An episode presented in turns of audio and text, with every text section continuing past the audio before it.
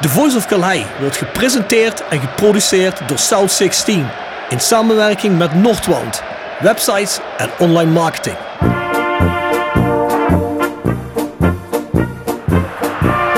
René van de Kerkhof, kom! Het hoofd van Danninga, het is het doelpunt! Het is het hoofd van het is het doelpunt! Het is 1-1 in de 36e minuut. drink dan eerst gezellig een kopje koffie, praat met wat mensen.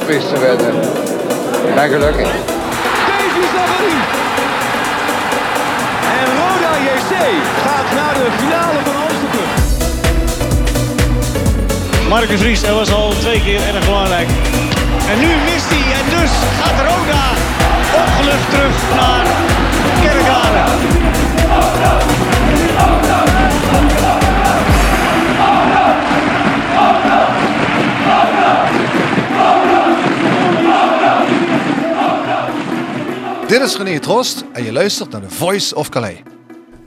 Aflevering 15, nee 16 van The Voice of Calais. Van seizoen nummer 2.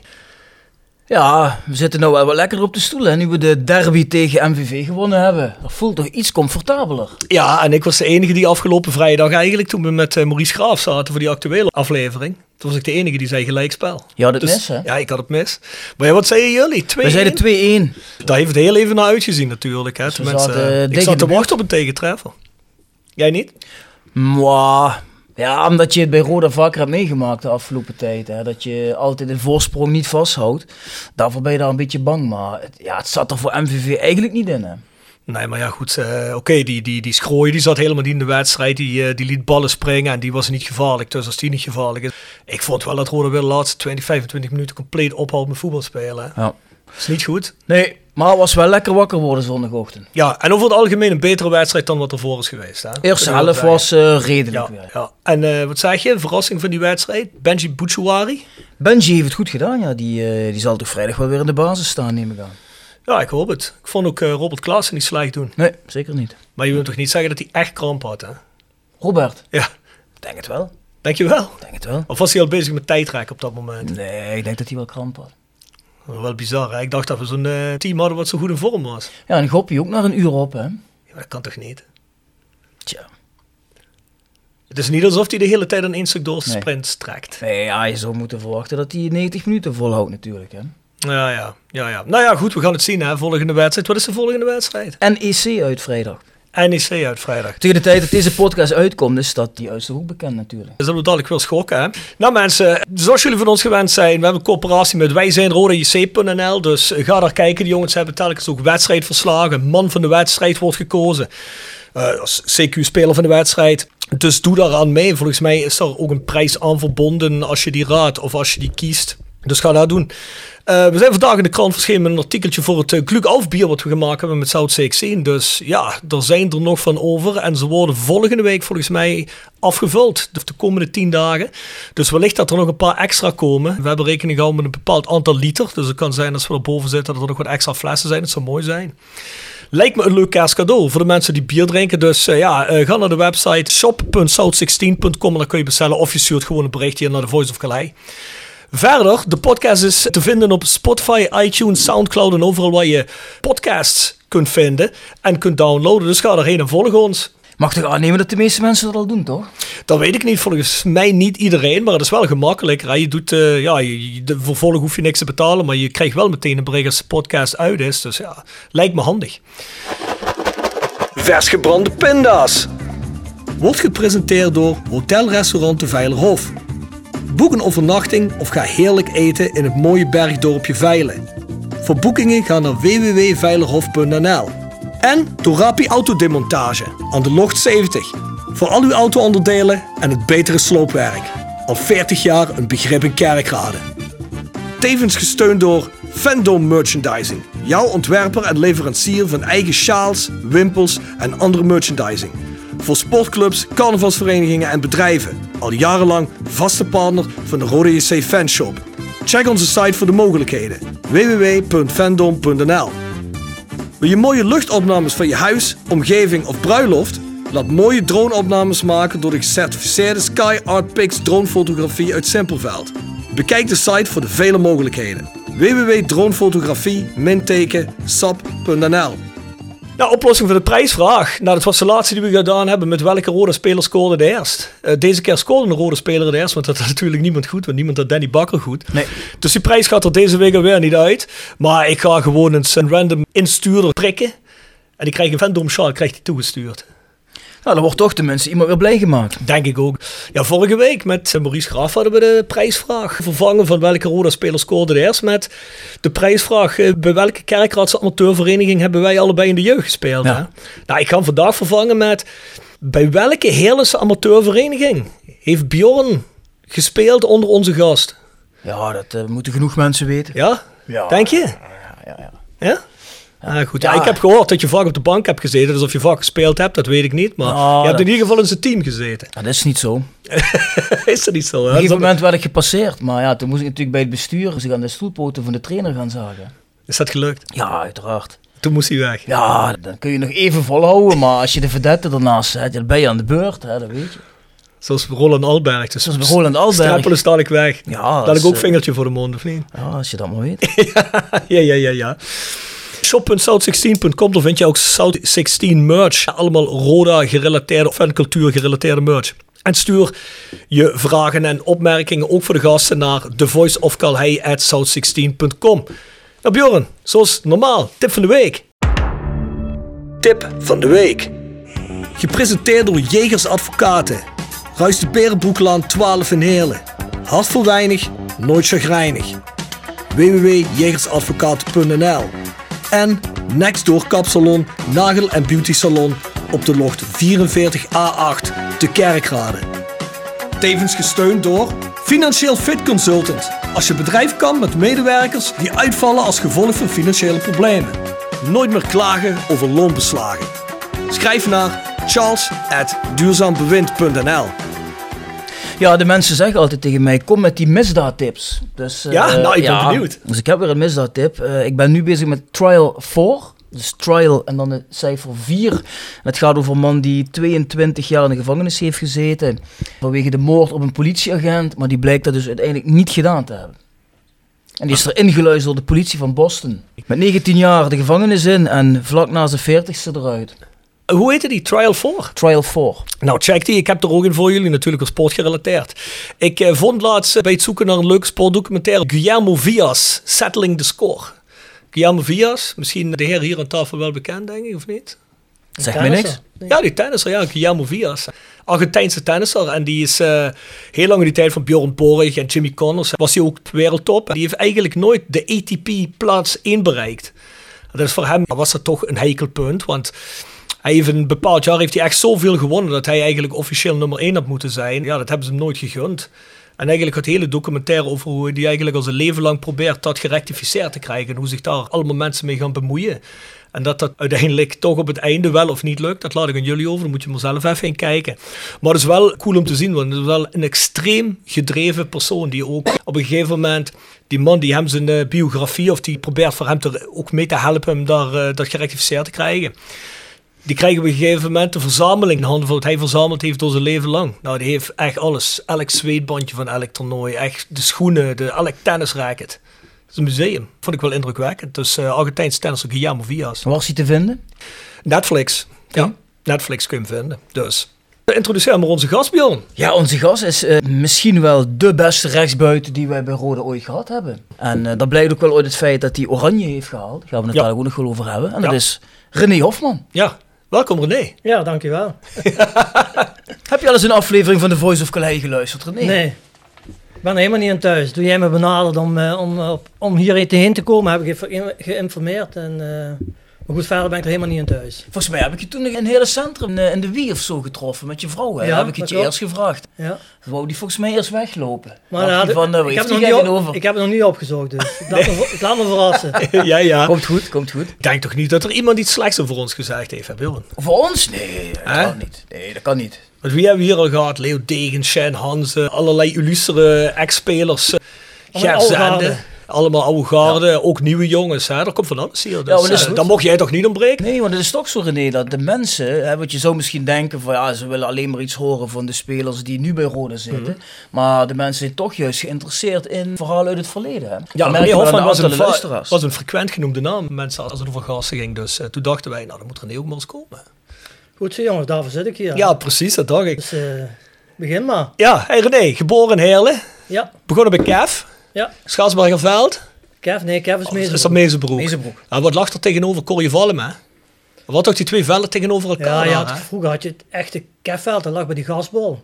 Maar dat weten Ja. jullie niet. Op Nee. een gegeven moment ging de jeugdafdeling ging richting Palemie, Corjevalm. Dan had je Ja. toen drie verenigingen naast elkaar. Maar daar speelde de jeugd, maar het hoofdveld van, van het eerste van Kev lag naast de gasbol. Dat lag een straat verder. Ah, oké. Ja, maar gasbol weet ik ook helemaal Ja, niet.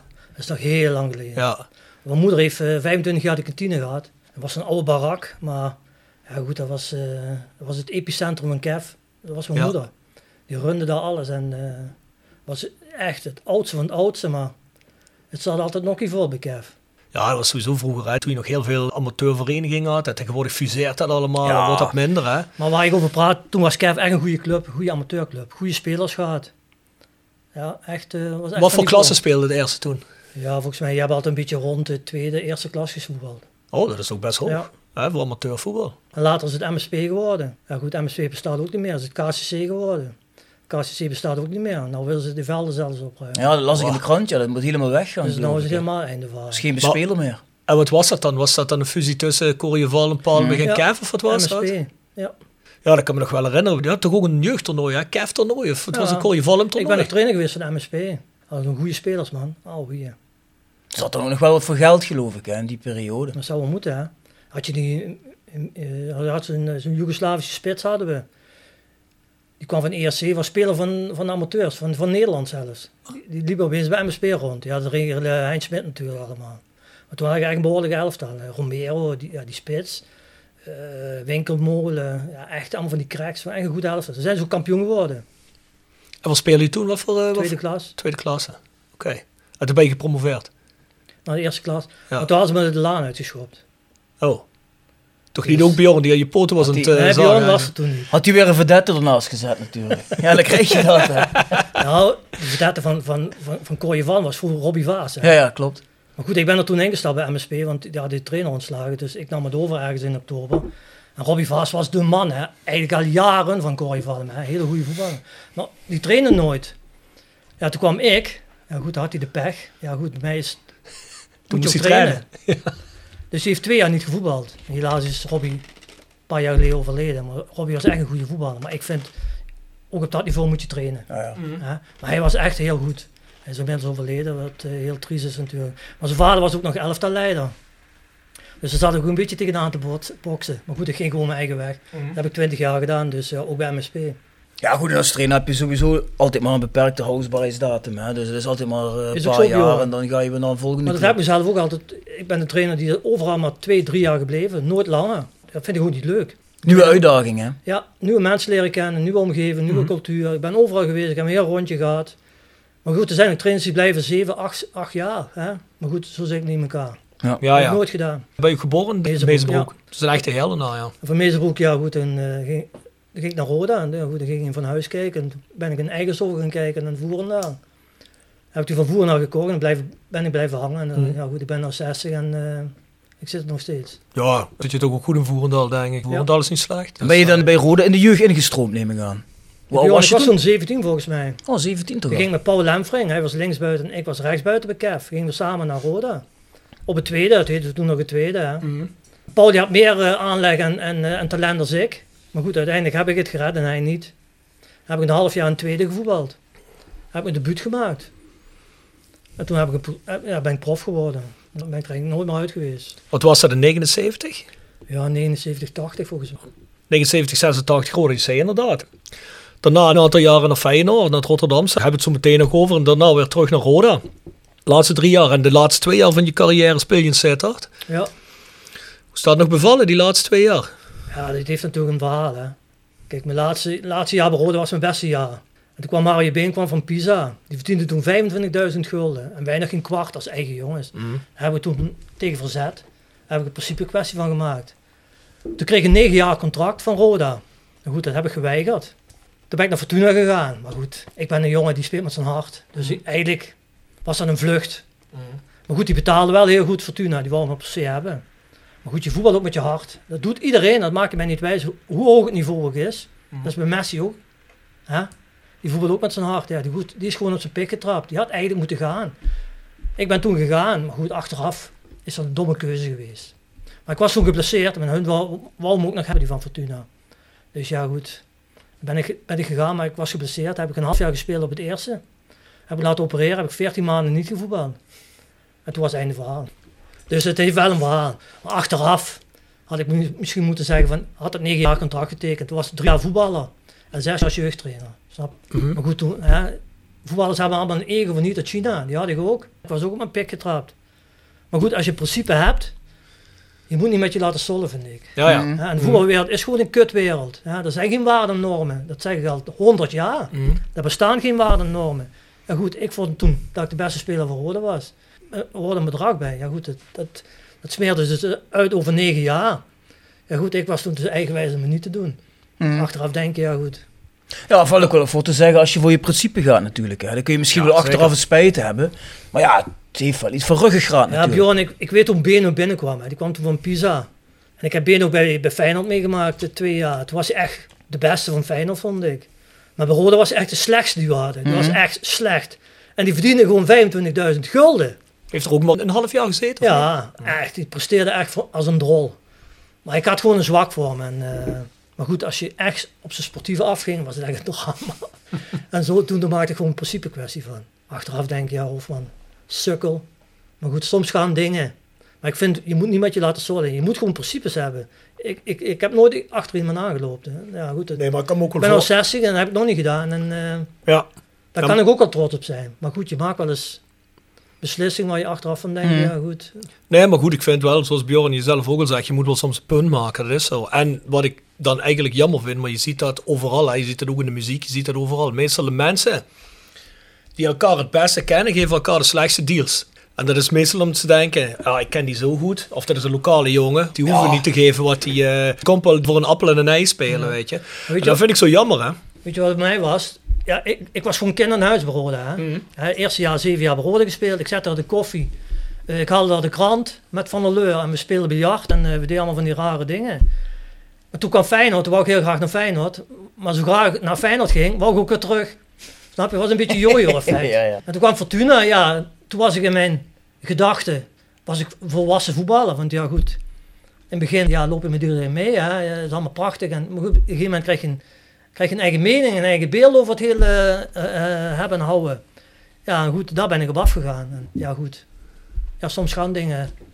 Ja, is Ja, ehm, dat is zo. goed dat je erover begint, eh, René. Want ik heb van Maurice Telem, onze goede vriend, een oude versie, of de Voice of Calais, de papieren Voice of Calais, de voorloper van ons, uit 1998. Toen ben je ook geïnterviewd door hun. En daarin gaf jij ook aan dat je een klik had met Michel Broeders en Gerry Zend op de rechterflank. En dat je een fout hebt gemaakt door voor het geld te kiezen. Dan moet ik even kijken, maar ik denk dat dat dan gaat over je overstap naar Fortuna. Dat denk ik wel, ja. Ja, goed, ik had een klik met Zend en met, eh en met Michel Broeders, mijn beste vriend. Ja, die speelde achter me. Broeders, die kon alles wat ik niet kon. Die kon verdedigen, die kon een bal afpakken. Die kon wat minder voetballen, die moest mij die bal geven en daar deed ik er wel wat goeds mee. En als ik hem had, kon hij over me heen gaan of Zende kwam. En die kon ik sturen, dat vermogen had ik. Vandaar liep dat ook zo goed. En we waren allemaal van hier. Als ik nou nog tegenkom, Zende, ik kwam eergisteren nog tegen, hè, dan is altijd leuk en aardig.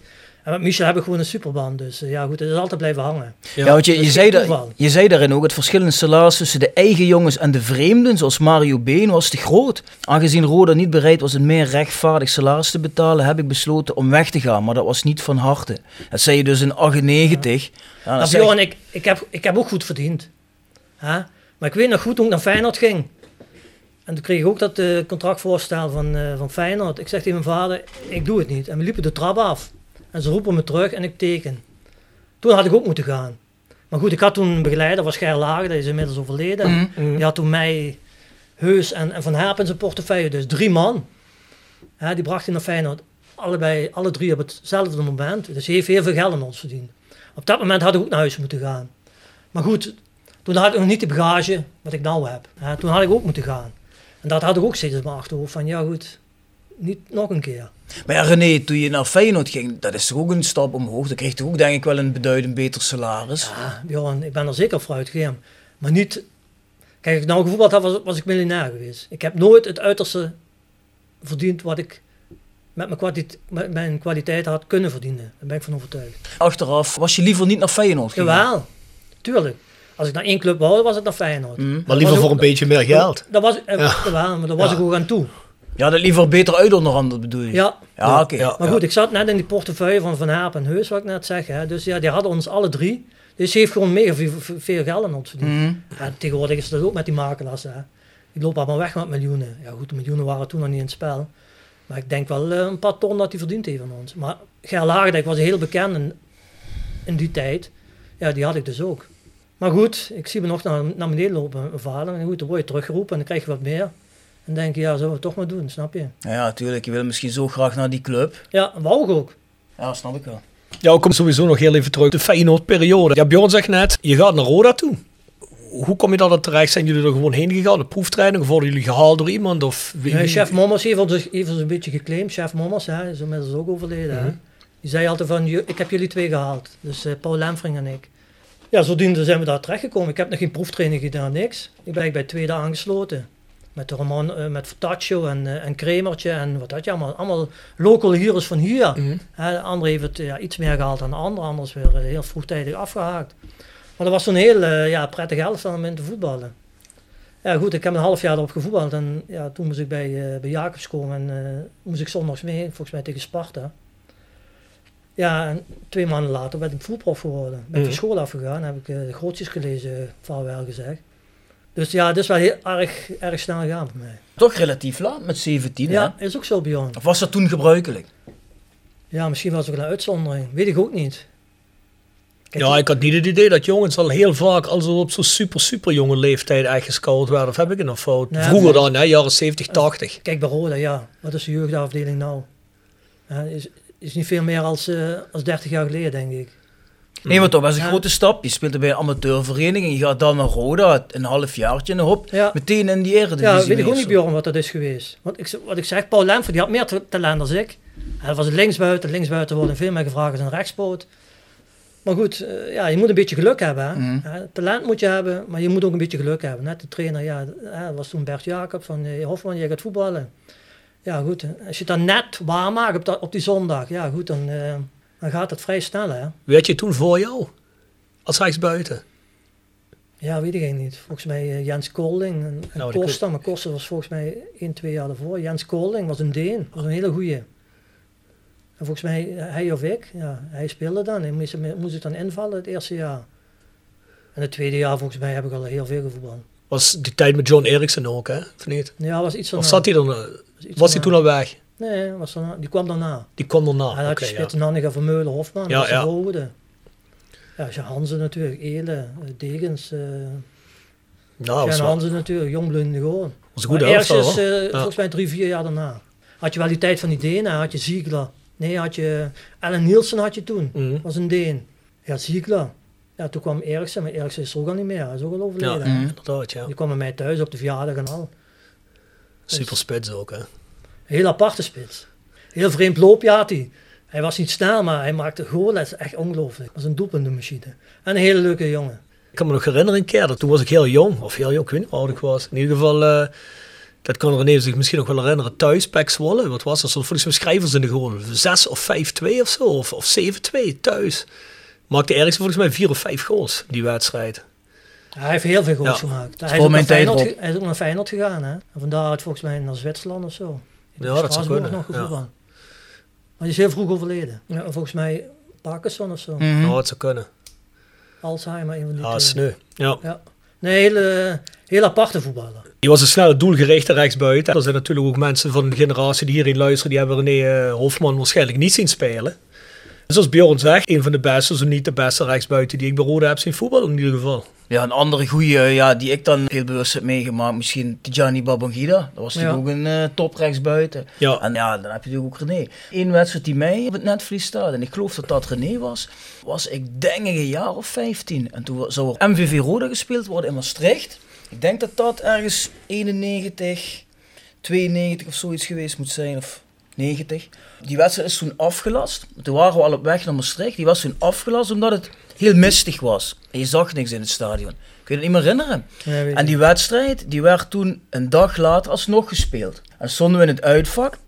Maar het was nog steeds mistig. En je kon vanuit het uitvak alleen maar tot aan de middenlijn zien. Dus op die andere kant van het veld, daar zag je gewoon niks. En ik weet ook dat een diepe bal gegooid werd.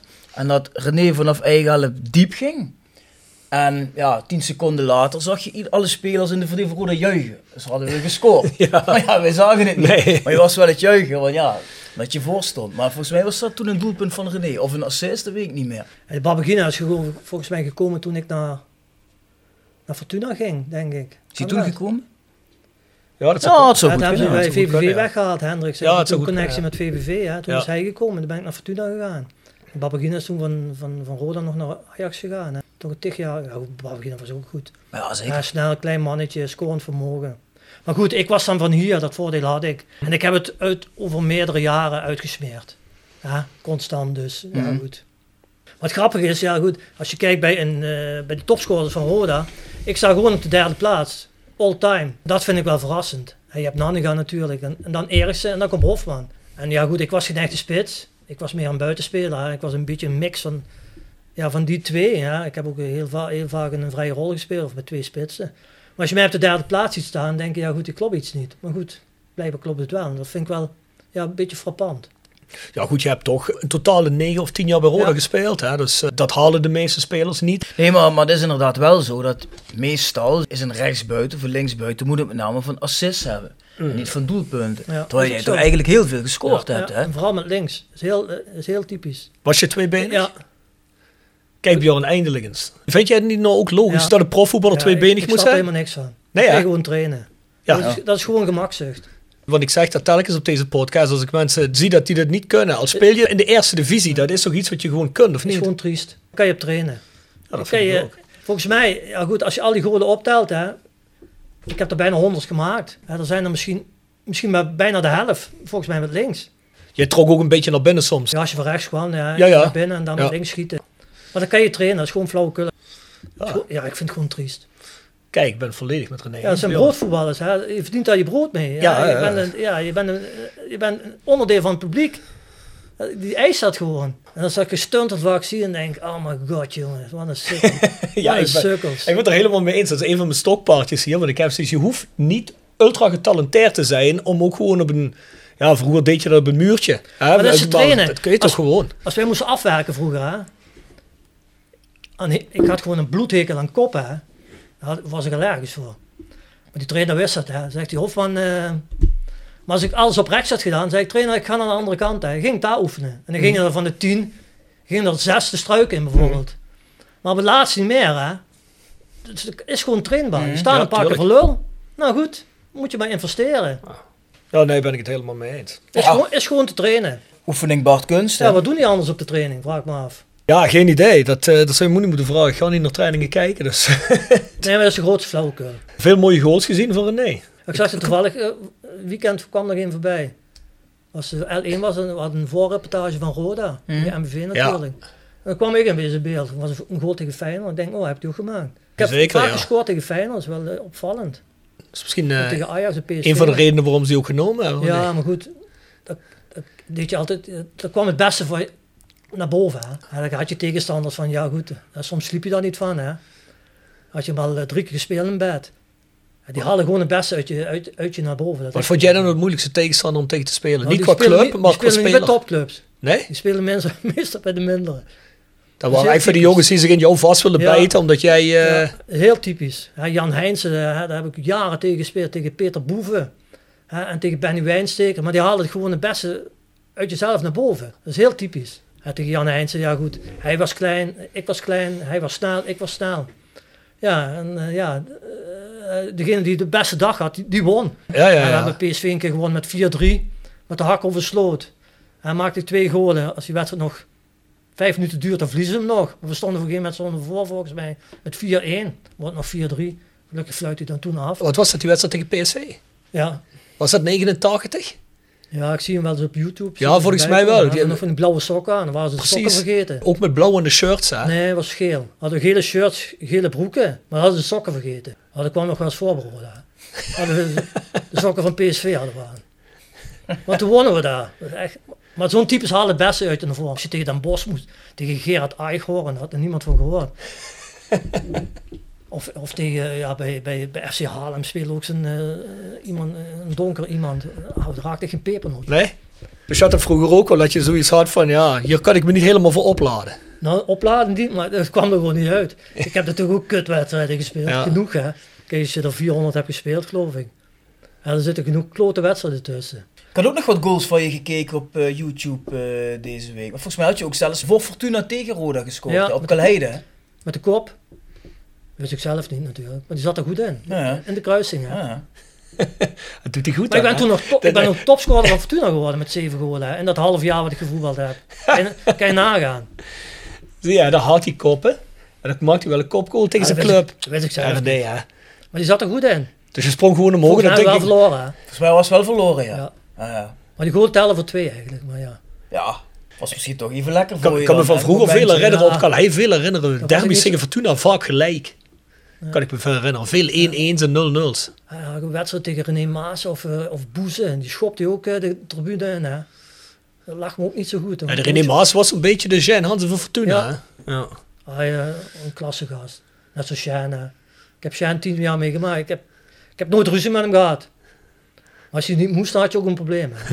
Hij was zo sterk. Hij heeft me een keer vastgebonden, Bjorn.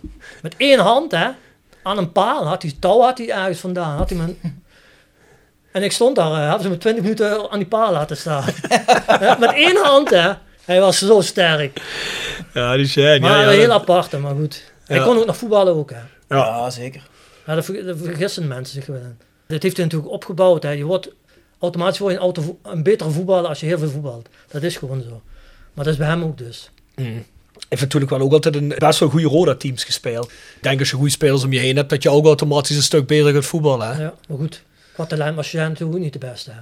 Nou ja, goed. Ja. Harde werken. Ja, en de Ja. mentaliteit was gewoon super. En dan kan je het ook niet redden. Hè. Kom je heel erg Ja, mee. ik heb toch veel jongens, hè, zeker vanuit mijn tijd in de jeugd, die dan naar Roda gingen. Die, daar hoorde je dan twee, drie jaar niks van. En dan waren ze wel ergens met amateurvereniging, maar die waren eigenlijk drie keer zo getalenteerd als iedereen waar jij mee samenspeelde. Ja. En die het gewoon niet redden. Hè. Gewoon puur omdat ze wel vonden dat ze het wel hadden. En dan, ja, dat komt er gewoon niet uit. Hè. Dus mentaliteit volgens mij is dat minstens zo belangrijk. Die 9 tot 10 jaar dat je bij Roda zit, je fietst eigenlijk zo'n beetje tussen de bedrijven door waar de Europa Cup wedstrijden aangaat. Want heel veel Europa Cup wedstrijden speel je eigenlijk niet. Tegen Monaco die wedstrijden Nou, geloof ik hè. mij tien heb ik toch. Maar zijn dat dan inclusief de Intertoto wedstrijden?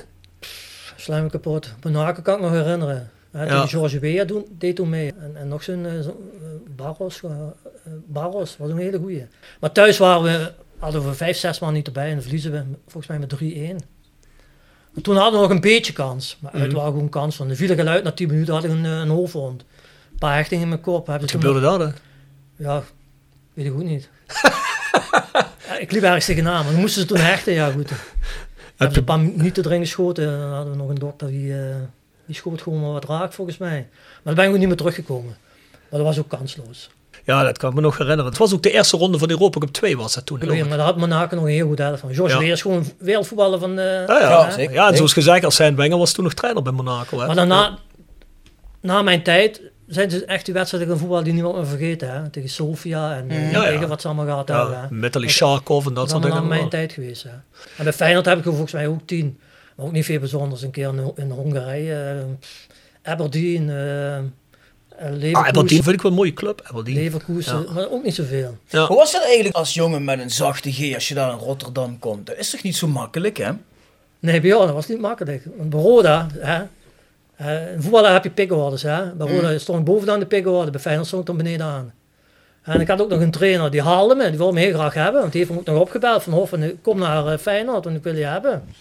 Wie was dat toen? was toen Rinus Israël. Ja. Maar van de eerste dag aan had ik totaal geen klik met hem. Ik heb me voorgenomen op Bjorn, ik wil er gewoon niks meer over hem zeggen. Ik heb dat jaren gedaan, ik heb de grootste ruzie met hem gehad. En een gegeven moment moet je dat laten liggen. Ja, want ja goed, dat gaat zijn eigen leven leiden. En eh, ja, het was, was gewoon niet goed. Hij stond er helemaal alleen voor. Maar goed, ik heb bijna alles gevoetbald. En Als je, ja goed, ik heb volgens mij 33 golen gemaakt. Achteraf ja. is dat niet slecht. Hè? Dat is toch een gemiddelde van 10. Moet je toch maar eens even doen. Maar ik was altijd heel kritisch. Mijn hele carrière. Ik was echt heel kritisch op mezelf. Mijn eerste twee jaar, goed. eh, ik- Volgens mij, eh, ja, wat ik zei, 33 golen. Maar goed, nog veel meer assi- assisten volgens mij. Dus qua rendement was het helemaal niet slecht. Maar goed, ik had gewoon een trainer die, ja goed, dat was gewoon... eh, Was toch eigenlijk raar als hij eigenlijk zegt Ja. dat hij per se wil hebben. ja. Maar goed, ik heb- ben gestopt met hem af te zeiken en doe het niet meer. Maar hoe kon je als mens aarden daar dan in die omgeving? Ja, begin moeilijk. Ja, je, moet, ja, je, moet gewoon, ja, je moet gewoon presteren, dan krijg je aanzien. Zo werkt het, Bjorn.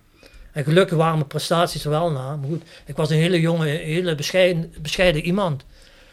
En heb ik twee jaar naar mijn eigen weg gevonden. Ja, op een gegeven moment ja, had ik mijn weg. En Toen had ik een beetje status. En ik weet nog heel goed, de eerste twee jaar. Vroeger voetbalde je altijd op zondag. En dus zondags had je vrij.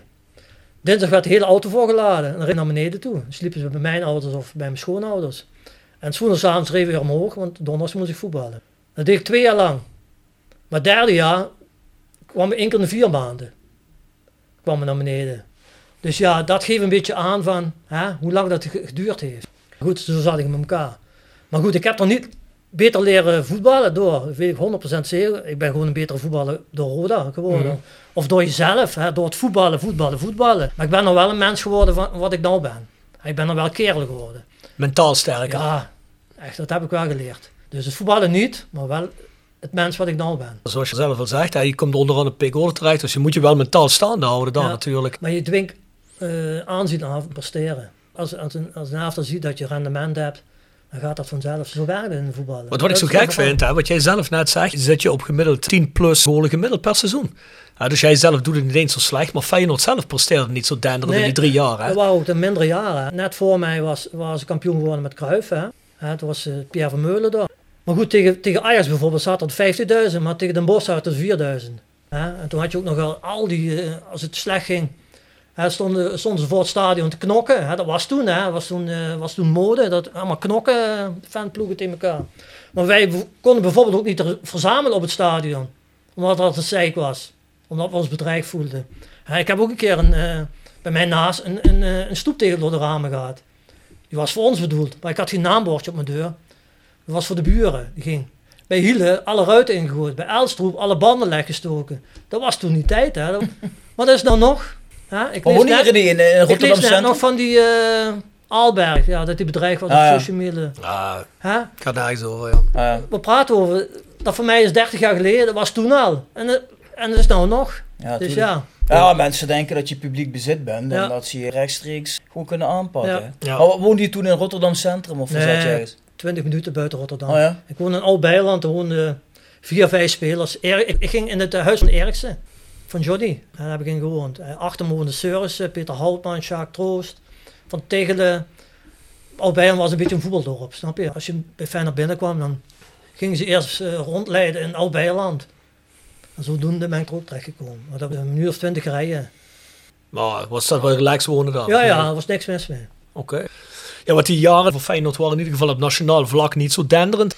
Maar ik kan me nog die Europa Cup wedstrijden herinneren. Die tegen, wat is dat, Leverkusen, München, nee, München-Gladbach en Bremen achter elkaar. Was jij er toen ook nog bij? München Labber hebben we ook tegengevoerd, ja. Ja, ik kan me nog herinneren van mijn jeugd. Dat waren extreme chaoswedstrijden. Volgens mij werd die wedstrijd in Düsseldorf gevoetbald toen, hè? Nee, maar dat weet ik niet. Volgens mij wel. En die Feyenoord-legioen brak toen het stadion helemaal af. Dat dat is was nog, toen eh, de tijd echt mode, hè. schande werd over knokken. gesproken in Duitsland. En zie je nu nog wel ze nu en dan een eh, Ik ding weet dat wij bij- bij Feyenoord was ook wel zei, de, Feyenoord, eh, Feyenoord eh, Ajax was ook wel zeker. Hè. Moesten wij als ploeg, moesten naar, voor het stadion moesten we, om die gasten rustig te houden. Kan je nagaan. Ik was Cruijff trainer van, van, van, van Feyenoord, van, eh, van, eh, van Ajax. Nee, dan moesten wij maar als boekbeelden, maar goed, daar was ook geen boodschap aan. Als, Nee. als je kloten speelde, dan eh, zagen die zo ook af. Hè. Zeker daar, Ik kan me wel herinneren inderdaad, wat René zegt, die tijd dat die Kuip extreem leeg zat soms. Ja. Hè? Ja, dat is echt niet 4000 normaal. toeschouwers. Kun je helemaal niet vergelijken met nu. Ja. Oh ja, zo weinig? Ja. En toen kwam Van Marwijk volgens mij, en toen wonnen ze Europa Cup. Ja, Twee, hè? ja, twee ja, volgens Ja, mij. en toen Nee, is drie. het eigenlijk Drie. begonnen. Mm. Hè, dat het constant vol. Ja, nou zit het gewoon vol. eh eh, spelen ze tegen... Ja, ja. Er zijn echt tijden geweest dat het echt kut ging. Ja, daar zat ik een beetje in. We hebben ook volgens mij één keer met hangen weer Eu- Europees voetbal gehaald. Dus ja, goed. Ja, dat kan me nog wel herinneren. toen die niet tijd. Dat was, eh, nee. Dat was eigenlijk wat René zegt. Feyenoord stond toen nog het meeste bekende rotsen die er geschopt waren. Niet om de prestaties van het team aan zich, de placering op Ah, de ja. ranglijst. Toen die staanplaatsen achter de tribune, achter, Mhm. achter de golen. hè. Maar ja, het blijft natuurlijk toch een prachtige club om voor te voetballen. Ja. Of een ervaring om mee te maken, laat ik het zo zeggen. Ja, en dat was gewoon een goede keuze. hè. Ik wou liever naar, naar, naar Feyenoord dan naar Ajax bijvoorbeeld. Ja, goed, toen Mhm. wou ze hem hebben. Maar goed, ik ben nog niet beter gaan door gaan voetballen. Als ik vaak nou verhalen van trainers hoor van hoe ze spelers echt steunen. Hè. Ja goed, dat heb ik nooit gehad. Israël was gewoon super cynisch. Hè. Wat je ook zei. Noem één voorbeeld, hou ik op. Hè. Als, je, als we een wedstrijdbespreking hadden, hè, kwam Hofman op. Hofman, rotsen jij maar wat aan. Dat was dan de wedstrijdbespreking. Hè. Daar kom je, dan, daar kom je nou toch niet meer mee weg.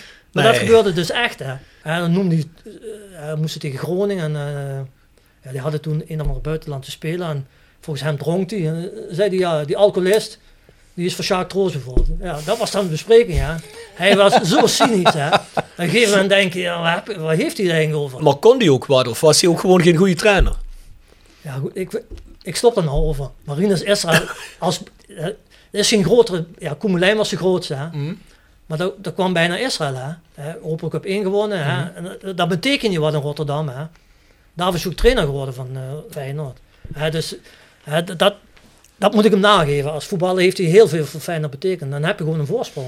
Misschien meer op basis van status dan op basis van Ja. eh, kennis, laten we maar zeggen. Ja. Ja, dat is een fout die clubs wel eens maken. Dat op basis van status mensen ergens een positie Ja, neerzetten waar ze eigenlijk niet voor geschikt Maar goed, zijn. dat zie je overal. Ja, ja, Ja. zeker. Zie je 100%. broden ook. Allemaal Hey. al gebeurd, ja. Hey René, en dan heb je ook nog één interland gespeeld, hè? Ja, En ik zie dat Rob hier, die zoekt het allemaal mooi uit. Dat was in 1982 tegen Malta. ja. Maar dat was dus eigenlijk dan In best Aken. wel vroeg, vroeg in je carrière, Ja. hè? Ja, Bjorn, dat was veel te vroeg. Ja, toen ging het geluid van, ja, het was een vrouw, dat was eh, Vermeulen, Kees van Kooten en Hofman. Ja, toen werd een en op Malta, die hadden ze volgens mij om laten kopen. Toen moesten ze, mochten ze niet thuis voetballen. Ja, Dus precies. er was een wedstrijd, thuiswedstrijd van Malta in Aken. Ja, toen ging het gerucht van, eh, ja, we zetten Hofman en Vermeulen voorin, dan komt, komt het publiek op. Komt het publiek op af. Ja goed, of dat helemaal waar is, weet ik niet. Maar toen was ik nooit zo'n goede voetballer als, als de jaren daarna.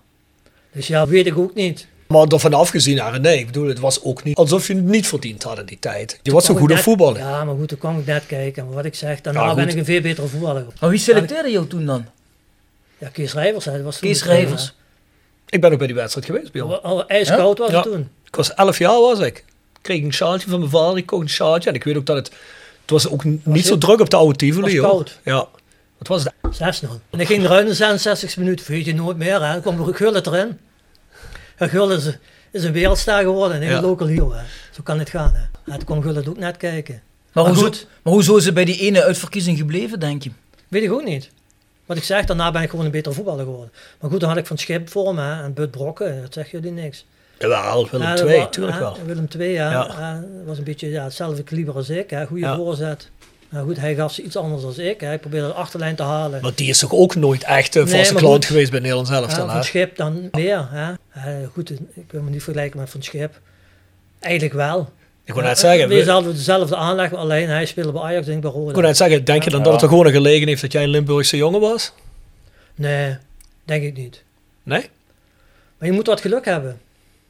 Nou, waar ligt dat dan op dat niveau. Want ja, goed, ja, ik meen me niks. Maar goed, in, in die tijd, of ja, midden van mijn carrière, behoorde ik eigenlijk tot de beste 30 voetballers van Nederland, denk ik. Maar ik was gewoon een specialist in het voorzetten, in het geven van voorzetten. En daar was ik met Van Schip de beste in, vond ik. En met Bud Brokken. Mhm. Dan praat je over de top 3 van Nederland, vond ik. Maar dat was ook mijn beroep, daar maakte ik ook mijn beroep van. Als ik geen voorzet gegeven had en we hadden met 1-0 gewonnen, had ik de sig in. Mhm. Ik had die voorzet moeten geven, snap je? Zo zat ik in elkaar. Ja. Maar dat is dan toch raar dat je niet gewoon vaker bij de selectie hebt gezeten. Dan zit je op de bank, hè? dat zou Ja, toch logisch zijn geweest. Soms gaan dingen zo. Heb je daar wel nog een aandenken aan? Een shirtje of zoiets van die Interland? Ja, die heb ik nog bewaard. Ik ben jarenlang mijn speldje, ik kreeg een, eh, hoe heet dat? Een haasje. Ja, een haasje.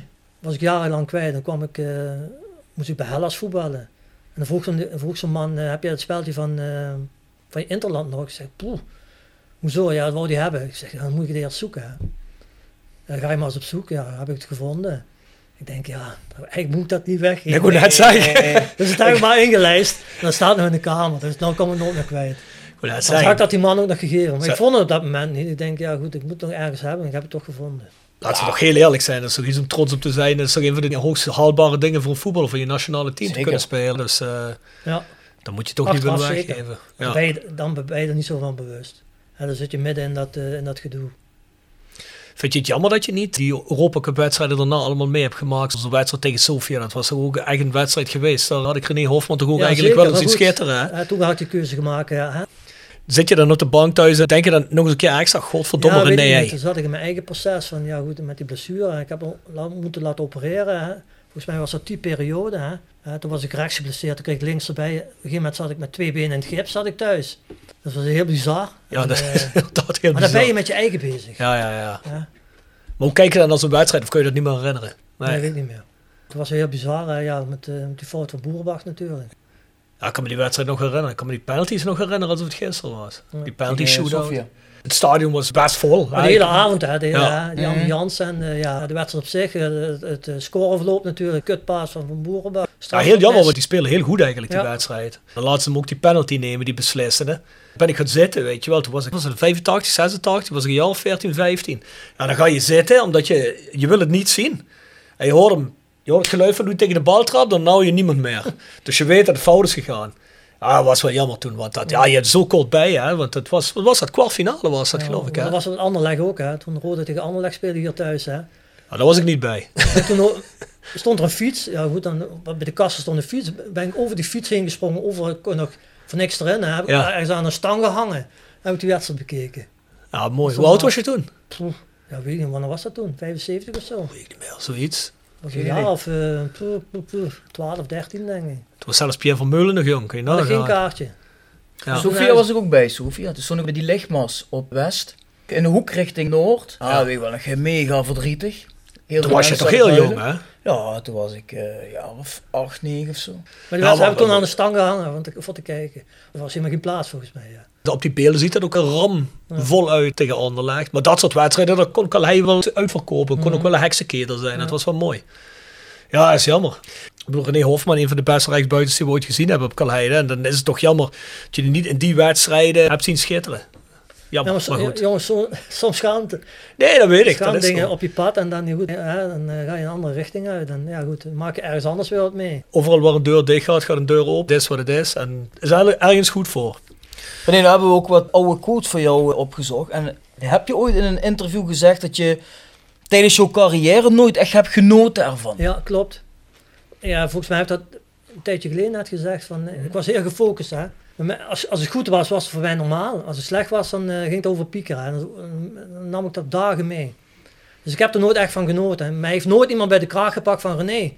Oh, het gaat wel erg goed. Geniet er eens ook een paar dagen van. Nee, als ik goed speelde, was dat normaal. Dat hoorde gewoon. Je bent daar voetballer voor, daar word je voor betaald. Dat was dan, ja, zo zat ik gewoon in elkaar. Zou jij het prettig gevonden hebben als er toen de tijd bijvoorbeeld als een mental coach was geweest? Ja, goed. In ieder geval iemand die mij wees van, eh. René, je mag ook een keer genieten. Eh, Geniet er eens twee dagen van. Maar als ik zondags goed voetbalde, ja, was dat voor mij normaal. Punt. Daar werd je voor betaald. Dat was, mijn, dat was gewoon mijn, mijn mentaliteit. was ook mijn kracht, denk ik. En toen niemand, ja, maar als het slecht ging, ja goed, dan zat ik er ook een paar dagen mee. Want ja goed, ik, ik, ik mocht niet gewoon niet slecht spelen. Dat vond ik Maar- van mezelf. Was je wel altijd eh, vrij in je hoofd, zeg maar, als je ging voetballen? Weet ik niet, vrij in mijn hoofd. Nee, ik vergelijk dat wel Kijk, hoe eens. langer je meeneemt, hoe langer je voetbalt, des te beter voetballer word je. Dat moet gewoon. Dat, dat is gewoon, ja, dat, dat is een proces waar je in gaat. De- eh, wat ik eerder zei, als ik vroeger tegen Benny moest, dan lag een nacht van wakker. Hè. Dan had die wedstrijd al gevoetbald. Van, die schot me dadelijk weer drie keer uh. Maar goed, hij haalde weer het beste. En dan speelde ik weer een super wedstrijd tegen. Ja, goed. Maar ik goed speelde was voor mij normaal. Als ik slecht speelde ging het over piekeren. Dat kon niet. Maar ik bedoel me altijd, ik vraag me altijd af, van, dit hebben wij bijvoorbeeld, maar als je dan eh, voor het eerst op zondagmiddag moest opdraven, was je toch best wel eh, zenuwachtig van, oei, ja. eh, Ja, ja, spelen ik had ook hele rituelen, hè. Maar, maar als je dan voor duizenden mensen moet voetballen, dat lijkt me nog eh, tien keer spannender. Ja, kijk, ik was eigenlijk een, een, een, een, een voetballer van de club. Hè. Volgens mij, als je tien mensen speelt, negen zouden nooit slecht over mij praten. Hè, dat is gewoon ja, mijn ontwikkeling geweest. Maar ik voelde me ook heel prettig op Kalheide. Dat was mijn club, dat was mijn veld, dat was mijn kleedlokaal. Ik had ook hele rituelen. En hoe- ja, hoe ouder ik werd, werden, zo werden ook de slechte wedstrijden werden steeds minder. Ja, dat is een proces waar je in gaat. Maar, ja, Je zat echt in je comfortzone op ja, Kalheide. mensen Ja. zeikten mij ook nooit af. Of ja, goed. Ja. Dus ja, dat, dat heb ik daar nooit meegemaakt. Maar je denkt dat dat is, omdat iedereen aan jou kon merken dat je zo gefocust was en dat je je daar zo prettig voelde en dat je zo gefocust was op je prestaties. Ja, maar, Dat daarom ook nooit iemand echt Ja, tegen maar- jou zou zeggen van René, eh wat de fuck ben mijn je mogelijkheden ja, heb ik ook altijd gepresteerd wat de mensen wouden, denk ik. Mhm. ik was altijd mezelf, eh, niet zeiken, voetballen. Als het goed ging, was het goed. Als het slecht was, dan zat ik er even mee. Maar ik, was, ja, ik voelde, gewoon- ja, Karl was gewoon van mij. Mhm. Dat is nog eigenlijk. Als ik daar binnenloop, dan loop ik altijd naar rechts in de hoek waar ik altijd zat. Ja, iedereen kan beamen wat ik altijd deed. Ja, ik, was eerst op het stadion. Eerst, ik moest eerst maar gemasseerd worden. Ja, ik pakte dus eerst de spullen uit de, uit de mand. En dan zat ik heel geconcentreerd een half uur op een handdoekje voor me uit te staren. En dan, en dan ging ik even roken eh, met jongbloed. Maar goed, dat kon ik allemaal niet. Ik moest, dat moest ik doen. En dat ja, dacht ik dat het goed voor mij was. Ja goed, dat heb ik heel, ja, heel lang gedaan. Op een gegeven moment word je wel wat losser, hè. Maar goed, dat heeft allemaal met ervaring te maken. Van, René, wat is nou eigenlijk jouw hoogtepunt bij Roda? dat is ook tien jaar. Dat is heel makkelijk. Hele tien jaar. Ja, ik was gewoon super liefhebber. Ik kwam gewoon super graag. Harry Klein, zeg het nog wat? Ja? Ja. Harry Klein woonde op Terwinselen. En toen ging ik halen en ging biljarten. Ja, Het was een tijd dat, eh, ja, er kwam eh, Jos Dade, die woonde in Tongeren, hè, de sportzaak. Op een gegeven moment kwam die naar Roda toe, was mister standaard. Peter van de Ven kwam van Stamprooi. Nam ik die twee mee naar huis. Want toen kon ik niet eten op het stadion. Dus mijn vrouw ging koken, moest ze 10 gulden betalen. Mocht ze een menu samenstellen, die piemelen. Lag bij mij op de bank, gingen we kaarten, want Carlo die schuifde, schoof ook aan. Die had ook een voernaam, dus met z'n vier even kaarten. Twee uur naar het stadion en gingen we trainen. Hè. En dat deden we dan eh, elke dinsdag. Dus ja, bij ons was het een beetje een epicentrum. Ja, dat was wel, ja goed, dat was een hele fijne tijd. En eh, ja goed, daarna kwam Broeders, hè, en Van der Leur, daar heb ik een hele goede klik mee gehad. Ging de krant halen, ik zette koffie, allemaal die maffe dingen, ja. Zat je echt de koffie? Ja, ja, nee, ja. Dan ging ik Harry Klein halen en hup, dan gingen we een uurtje biljarten met die jonge gasten. Ja goed, dat, dat was toen hè. Dus als de koffiejuffrouw kwam, had jij de koffie al gezet, Ja? Ze hoefde nog net geen sleutel te geven. maar dat waren wel de verhoudingen toen. Ja, toen gingen we hier ergens in Terwinsen gingen we de krant halen. Ja, die flikkerden neer, kon die gasten lezen. Zetten we gauw koffie, ja, even biljart. Of van die domme dingen doen, ja goed. Kun je je me voorstellen, hè, een van die jonge jongens nou zegt van, ik identificeer me zo met die club, ik ben het 's morgens al hier, de trainer komt binnen en dan Ja. heeft al iemand de koffie gezet. Hele andere tijden. Het zou wel mooi zijn als dat, eh Ik stel me nu voor dat, zou hebben. Dat komt niet meer terug. ik stel me nu voor dat die jongens gewoon op de laatste minuut binnenkomen, rennen en tegen na de training weer blij te zijn. Ja. Ja, je kan het niet vergelijken wat nu gebeurt. in Nee, voetbal. is heel anders. Ja, de hele omgeving en de hele, ja, eromheen, dat is, is zo veranderd. Eh, in principe kunnen jongens ook, ja, aan sommige dingen kunnen ze ook niks doen. Eh, dat wordt gewoon, ja, voor, allemaal voor ze gedaan. Dat is allemaal, ja, eigenlijk vanzelf. Maar voor zichzelf opkomen, eh, ja goed. Als ze, ja, goed, als ze niet spelen, beginnen ze dat te piepen. En dan, eh, en een makelaar van, eh wij vroeger niet durven. Nee, maar ik denk ook dat je nu een hele andere tijd opgroeit, een Ja. hele andere tijd met hele andere waarden. Kan je en niet vergelijken, moet je niet doen. Nee, Dat is, jammer, maar... Het is er niet beter op geworden, vind ik. Nee, dat blijkt wel. Ja, vroeger rode teams gehad die puur op mentaliteit zich niet in zo'n gat hadden laten trekken als we de laatste twee jaar hebben gezeten, sportief gezien. Ik heb negen jaar of tien jaar Rode gespeeld. Hè. Ik denk dat wij wel eens aan degraderen eh, hadden gedacht. Wij spelen altijd rond de 7, 8, 6. Ah, dan moet je wel eerlijk zijn, bij jullie zat er wel iets meer talent in. Ik heb nooit aan, aan, aan degraderen gedacht. Nee, ja, wij ook niet. Nee. Nee, ja, Dat kwam gewoon niet eh, in, tot tien jaar geleden wij ook niet. in het, in het woordenboek voor. Eén keer heb ik een degradatiewedstrijd op Calais gezien. En dat was toen tegen Utrecht. Kun je dat nog Ja. herinneren? Was dat mijn tijd? Ja, nee, ik denk dat dit dat de tijd net... van John van Loen. Nee, ik dacht dat dat eh, net na jouw tijd was. Dat was volgens mij met John van Loen. Ja, ik kan zeggen, Henk misschien net Fraser en zo, hè? Net niet gedegradeerd, hè, denk ik. Ja, net niet, nee. net op één punt of zo. De laatste speel, eh, Ja. speelwedstrijd thuis. Maar we hebben ook eens een keer in een, eh, ja, dat was een soort na-competitie voor degradatie. Hebben ze een keer een paar jaar gehad waar je dan met drie of vier teams in zat of zo. Kan dat kloppen? Of ben ik nou helemaal iets geks aan het zeggen? Ik denk dat je heel iets geks zegt. Nou, dat denk ik niet, maar zoiets is er ook geweest een keer. Huh? Ja, ja. Geen idee. Mm. Hey, ik pik even een vraag mee Doe dat. van onze goede vriend Koen Landers. Beste meneer Hofman, u bent als Roda Legend gewend aan gras, knollenvelden. Hoe kijkt u aan tegen kunstgras? Ja, dat is het juist niet, hè. Ik had gehoopt dat ze dit jaar de, dat ding eruit flikkerde. Maar goed, dat duurt nog een jaar volgens mij. Ja, goed. Voetballen moet je op een veld, jongens. Anders moet je niet betaald voetbal spelen. Het is heel simpel. Als, als een club op kunstgras moet spelen, dan, dan zet ze dan maar terug. Betaald voetbal is op gras, punt. Heide was natuurlijk niet het beste veld. Hè. Kijk, dat is een beetje voor en ik speelde aan die, aan die, aan die rechterkant richting, richting scorebord vroeger. Ja, ja. Dat was gewoon bevroren, hè. Met die tribune, die haalde het net. Dan speelde ik net op dat kutstuk wat keihard was. maar goed, Karl Heide was op zich, voor, voor buitenstaander was het gewoon kloten. Ja, ja, zeker. Maar goed, wij wisten niet beter. Dan was mijn, was mijn Wembley. Ja, ja, Hoe slecht het ook was. Ja, ik heb daar wedstrijd gespeeld en denk, oh mijn god, dat is een kutveld. maar ja, mij boeide dat niet. Ja, we gingen gewoon naar z'n trein en, eh, maar goed, het was het beste veld niet. Maar betaald voetbal, jongens, is gewoon op gras. Anders moet je geen betaald voetbal spelen. Ja. Of het een Heracles is of uh, ja, VVV heeft het eruit, gespeeld, heeft het eruit gegooid, geloof ik. Wij hebben het volgend jaar ook niet meer, als het goed is. Ja, maar ik vind dat moet je gewoon niet, ja, moet gewoon niet kunnen, punt. Hoe is jouw gevoel bij het huidige Roda, René? Ja, Bjorn, heb je even? Ja, hebben we nog wel even. Moeten we even teruggaan naar de laatste wedstrijd wat we gezien hebben? De laatste wedstrijd, ja, tegen MVV. Ja, goed, kwalitatief ja, hebben ze. Ja, als je twee elftal tegen elkaar afzet, ja, hadden ze gewoon bijvoorbeeld al dik moeten winnen, vind ik. Ja, het gebeurt dus weer niet, ja, omdat het gewoon heel matig is. Ja, op een gegeven moment de tweede helft, als je de tweede helft even kijkt, volgens mij de eerste 20 minuten, is gewoon MVV voetballen ook nog beter. Ja, maar goed, die hadden nog drie jaar kunnen voetballen, hadden ze nog geen goal gemaakt. Ja, Schrooien, wat dan op papier de beste man is, wat iedereen zegt. Ja, die was gewoon de slechtste, want die speelde gewoon met tien man. Maar daar deed, daar deed MVV het voetballend, vond ik nog niet zo onder voor Roda. Maar goed, die hebben gewoon een scoreprobleem. Dat heeft eh, Roda ook, vind ik. Maar goed, eh Bakker schiet een, keer- schiet een keer op gewoon 20 meter en die vliegt erin. En die, die tweede, wat was dat? Pingel. Dat was die strafschop. Ja goed, dat was een strafschop. Dat was gewoon een handsbal. Maar ook dat is een moeilijk proces. het- scorend vermogen van Ja. Roda. Ja, dat is gewoon heel moeizaam. Ja goed, ik sta er heel anders in Bjorn. Kijk, als jij een heel nieuw elftal haalt. Ik wil wel eens de... de, de ehm, wat, wat, wat, wat ze, wat ze ehm, Strappel hebben meegegeven. Wat is de doelstelling van Roda dit jaar? Dat wil ik wel eens weten. Ze, ze halen een heel nieuw elftal. Ik hoor maar van alle... Wat ik dan hoor, ik zit er niet bovenop, dat ze drie jaar de tijd hebben gegeven. Is dat waar? Mm, ja, ja, dat wordt wel gecommuniceerd, ja. Ja? Ik denk dat eh, stiekem is. Dus hij kan, hij, kan, hij kan de boel op gaan bouwen.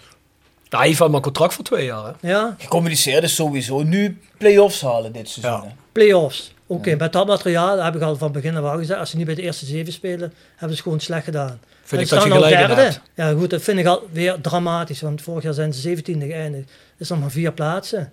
Goed, er zijn, hoeveel wedstrijden zijn ze onderweg? 12 of zo? 12 jaar. Ja, die eerlijkheid gebied te zeggen, op het moment staan we vier punten verwijderd van de zesde plek. Ja, maar goed, eh, Utrecht heeft nog twee wedstrijden minder. Dat Ze wel. maar goed, Ja. je moet even... eh, mensen zien de dertiende plaats, hè. Maar goed, eh, ze halen een heel nieuw elftal. Hè, als ze als Streppel drie jaar de tijd hebben gegeven en denk ja, waarvoor, waar is Soeren gebleven? Waar is uh, Slusser gebleven? Waar is die linksback gebleven? Hoe heet die jongen? Keulen. Keulen, ja. Keulen gebleven. Ja, zijn die allemaal zoveel slechter als wat er nou staat? Als je die jongens drie jaar de tijd geeft, worden ze gewoon een betere voetballer. Maar goed, dat wordt dus weer niet gedaan. Hè. Er wordt gewoon weer een heel nieuw elftal neergezet. Van, ga, maar, ga maar je gang. Ja goed, als je het eh, ja, qua eh, prestaties moet afrekenen, is het weer niks, vind ik. Want ze staan gewoon veel te laag. Dus ja, ja in mijn ogen kan dat gewoon niet. En wat, daar, eh, wat daarachter zit, weet ik niet. Je zou liever meer eigen jeugd zien. Als je toch drie jaar de tijd hebt, wel ja. De jongen van Groningen, is hij, is hij gehuurd? Nee, die is eigendom, gekocht. die eh, linksback bedoel je. Is hij, is hij, Absalem. is hij gekocht? ligt gewoon twee Ja. jaar vast, ja. Transfervrij. Hij, hij heeft gewoon een goed loopvermogen. Hij verdediging is hij super kwetsbaar. Maar goed, als je tegenwoordig een loopvermogen hebt, ben je al heel ver. Ja, die jongen staat constant een fotocard te dekken. En dat is gewoon. Maar is hij, Ja. eh, hoe heet die die vergeet ik weer die naam. Keulen. Is hij Keulen, ja, is hij echt veel minder. Ja, die heeft Nou, het toch die, heeft het, naar... die heeft het goed gedaan, maar worstelt altijd met blessures. Hè. Ja. En Slusser. Dan denk ik, ja, geef die jongens de tijd. Als je toch helemaal moet opbouwen. Nou ja, ik denk dat drie jaar wordt natuurlijk ook gecommuniceerd naar de buitenwacht. Ik denk dat ze intern van dit jaar toch al veel meer hadden verwacht dan Ja. ze nu laten zien. Ja, Bjorn, daar kom ik je ook ook. niet meer weg bij mij. Je speelt betaald voetbal. Je speelt betaald voetbal voor de mensen. Daar horen prestaties bij. En wat voor het ook speelt. En je moet gewoon presteren, punt. Mensen zitten niet te wachten op een, derde, op een dertiende plaats van Roda. Ik niet tenminste. En als je het voetballen ziet tegen, ja, tegen Utrecht, dan denk je, ja jongens, Vorig jaar ook al. Volgens mij hebben ze dat ook al verloren bij AZ. Ja, hebben ze ook verloren vorig jaar. ja, twee. Ja. Wat ik gewoon niet begrijp is, kijk al zit je niet lekker in je vel, zit je in een dip misschien qua vorm, dat kan allemaal. Maar energie geven en gas geven en oorlog maken, dat kan iedereen toch? Ja. Dus dat ik ook kwaliteit bij. Kijk, en als ik dan die, die rechtsbuiten zie, hoe heet die, eh Kroeks. Ja. Ja. die speelt al jaren hoe die nou voetbalt. Heeft een geweldige trap. Achterlijn zou hij nooit halen, want hij heeft geen rechterbeen. Ja, zet hem op eerste plaats zet hem aan de andere kant neer. Dan komt het misschien wel eruit. Zorg dat je een spits hebt, Sararis. Ja, daar ben ik helemaal geen fan van. Maar zorg dat hij in de 16 is. In plaats dat hij overal de ballen komt kaatsen op het middenveld en zelfs nog daarachter. Ik denk dat hij dat doet omdat hij geen ballen aangeleverd Ja, krijgt. maar goed. Nee, of dat goed is, dat is een tweede. zou ze een goal natuurlijk. moeten maken. Ja. Zo maakt hij nooit een goal. Hè, de enige die een goal maakt, dat is eh Aalberg. Maar goed, die staat links buiten, hoort hij ook niet thuis. Dat is de enige nummer 10 die ze hebben met scorend vermogen. Die heeft geen loopvermogen. Die heeft wel een basistechniek om een goal te maken. Ja, zo zijn er heel veel dingen te verklaren. Maar goed, Strappelus heeft ervoor geleerd. Maar goed, ik zie denk en denk, ja... Zo'n gobbel, ja, die is super snel. Maar goed, als hij drie sprints getrokken heeft, dan loopt hij niet met- met het hoofd naar beneden. Of hij daar wat aan het zoeken is, weet ik ook niet. Maar het is altijd hetzelfde beeld. Hij is super snel, hij heeft een redelijke voorzet. Ja, de laatste wedstrijd deed hij het redelijk, vond ik, de eerste helft. Maar als je een spits ziet, eh, die is er niet. Die is nooit op tijd. Maar als je al start van de middellijn met een gobbel, ja, dat haal je nooit meer in. Maar dat zijn basisdingen, ja, denk ik, ja, eh Strappel, ga daar eens mee aan de slag. Van, hou die in ieder geval in de spits. Dan loopt hij misschien eens toevallig tegen een bal aan. Maar zo is hij altijd te laat. Oké, we kunnen nu niet naar wedstrijden vanwege corona, maar als er publiek was toegestaan, zit je dan wel altijd op de tribune? Of hoe is jouw verhouding tot Roda nu? Nou, ik heb net verteld van ja, een aantal, aantal jaar geleden ben ik bewust twee jaar niet geweest. Want toen had het helemaal niks met voetballen te maken. Toen gingen ze het veld in van als we maar niet verliezen. En als ze in de tegen kregen, ja, automatisch gebeurde dat. Dan ging- gingen ze nog verder naar achter van als het maar geen 2-0 wordt. Dat was de insteek. Ja, daar ga ik niet voor naar voetballen, Bjorn. Ik kijk verder als de gemiddelde toeschouwer en fan. Eh, Dat had gewoon helemaal niks met voetballen te maken. En de laatste tijd, voor de corona, ben ik wel geweest. Nou, proberen ze mensen te voetballen. Maar dat is nog niet eh, om naar huis te schrijven. Nee, oké, maar het gaat mij een beetje erom. Ja, je bent natuurlijk een ex-speler voor Roda, Ja. een jongen van de streek. Dan verwacht je van, ja, dat je dan nog altijd nou bij Roda eh, betrokken bent. Ja, maar zo werkt het niet, Bjorn. Als je zo voetbal wat hun gedaan hebben, en dan zal iedereen met mij eens zijn, dat had gewoon niks met voetballen te maken. Nee, dat hebben we ook gezien. Hè? Daarvoor ga ik niet naar het voetballen. Nee, oké. Om dan negatief, hè, daar ben je te veel liefhebber voor. Ja, goed.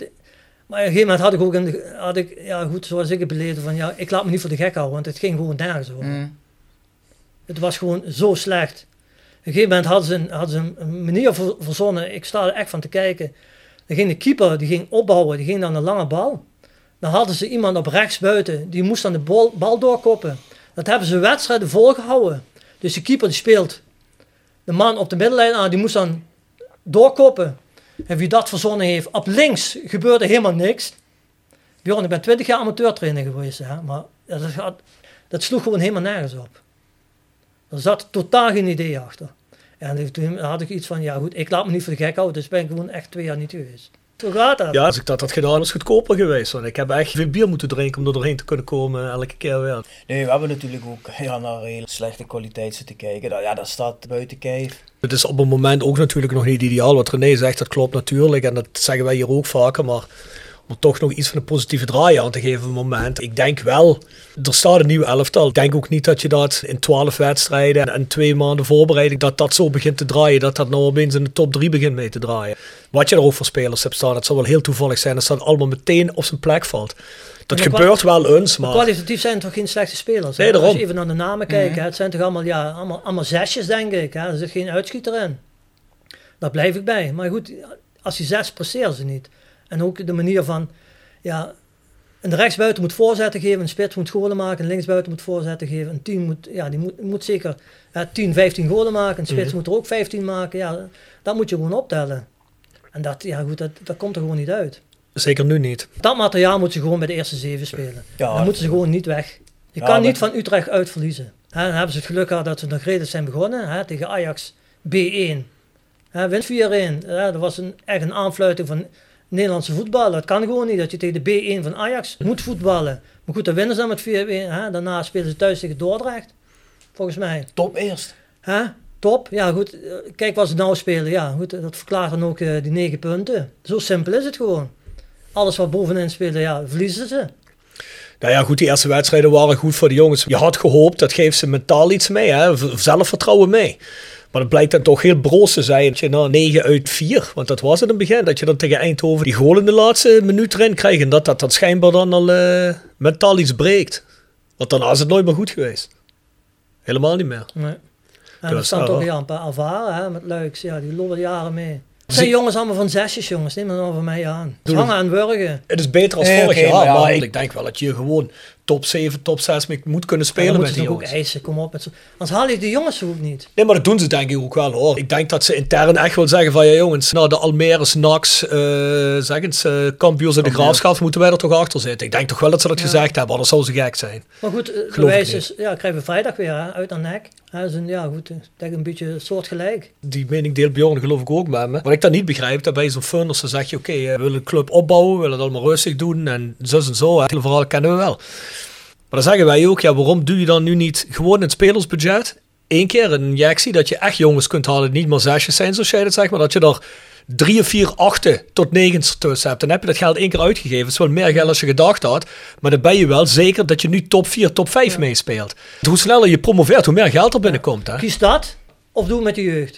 En dan Ja. zitten ze er precies middenin. En het zijn allemaal zesjes jongens, meer niet. Ja, wat wij hebben ook al vaker gezegd. Verdediging middenveld, de Nicky Soeren, die doet het toch niet slechter als de jongens die er nu staan. Nee, maar neem die Kroeks. Hoeveel jaren speelt die jongen al op dat niveau? In de eerste divisie bij, bij, bij uh, Willem, II. II gevoetbal. Hij heeft een goede trap. Als Ja. hij hem trapt, en, en dan trapt hij ook tegen een bal. Ja, en noem nog eens wat op. Hè? Tegen Ajax maakt hij een goal volgens mij. Maar dat vind ik dat heel typisch. Ja, dan krijgt hij, eh, krijgt hij bij de tweede bal krijgt hij een, een voorzet. Die moet hij gewoon intikken. In één keer, wat doet Kroeks? Neem hem aan, schiet, te laat. Eén op de doellijn, die redt hem. En dat is typisch. Jongens van een zesje. Zie die bal door het net. Denk je dat dat zelfvertrouwen... René, denk je dat dat zelfvertrouwen is of gebrek aan talent? En als jij jaren op dat niveau voetbalt, is dat je niveau? Dus je denkt, hij kan gewoon niet beter. Nee, die kan Ah, niet beter. Eh, ja. Nee, maar voor mij ja, die kan niet beter. Maar, maar voor dit niveau denk ik nog altijd wel gewoon allemaal goed genoeg om in ieder geval niet in het rechte rijtje te staan. Ja, vind ik ook. Ja, dat sowieso. Vind ik ook. Als je de hele tijd rond plek 5, 6, 7 speelt, dan verlies je een keer, dan win je een keer. Ja, goed, en dan, dan is het wat anders dan 13, hè? Maar tegen Telstar, hè, volgens mij tegen Telstar gelijk. Ja, ja. Ja, En Telstar was gewoon beter.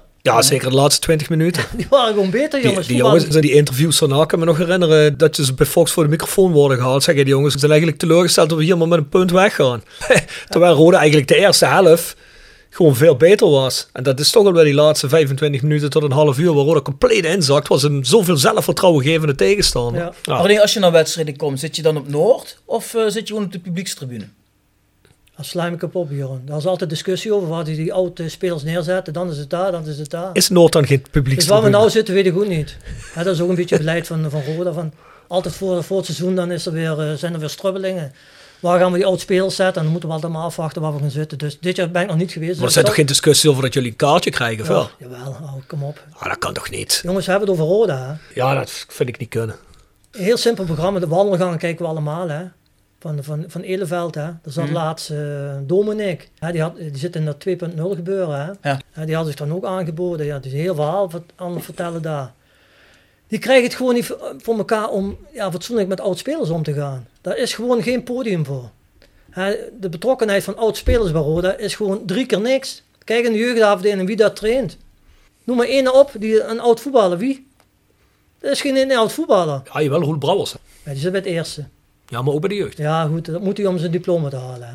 Hij, Hey, moet, maar hij moet een jaar stage lopen, anders kan hij niet oefenmeester 1. En maar René, daar hebben wij een goed tikje terug voor jou. Tikje terug. Gepresenteerd door Van Ooyen Glashandel. Sinds 1937 vervangen en repareren wij al uw glas met veel passie en toewijding. Met 24 uur service. www.vanooyen.com En Quick Consulting. Laat finance waarde toevoegen aan je organisatie. We komen graag met je in gesprek om aan de hand van concrete voorbeelden duidelijk te maken hoe we dit ook binnen jouw onderneming kunnen realiseren. Think win-win, think quick. www.quickconsulting.nl Tevens gesteund door Roda Arctic Front. Tegen terug is de vraag die altijd een gast die we van tevoren hebben gehad aan een volgende gast stelt. Voor jou komt die vraag van Danny Volkers. Je kent Danny Volkers. Danny Volkers zegt, zou je voor ons in de Rode Academie iets willen doen en kunnen betekenen. Ja, ja logisch. Danny Volkers zal hij toch wel blij ken zijn? Danny. Maar goed, of Danny dat kan beslissen, ja, hij is nou hoofd op je je hoofd eh, Ja. eh, in plaats van van der Leur, dus ze zal nou meer te zeggen hebben. Ja, dat is logisch, maar er zijn zoveel oud-spelers die dat misschien wel graag willen. Maar de jongen, Roda biedt daar geen podium voor.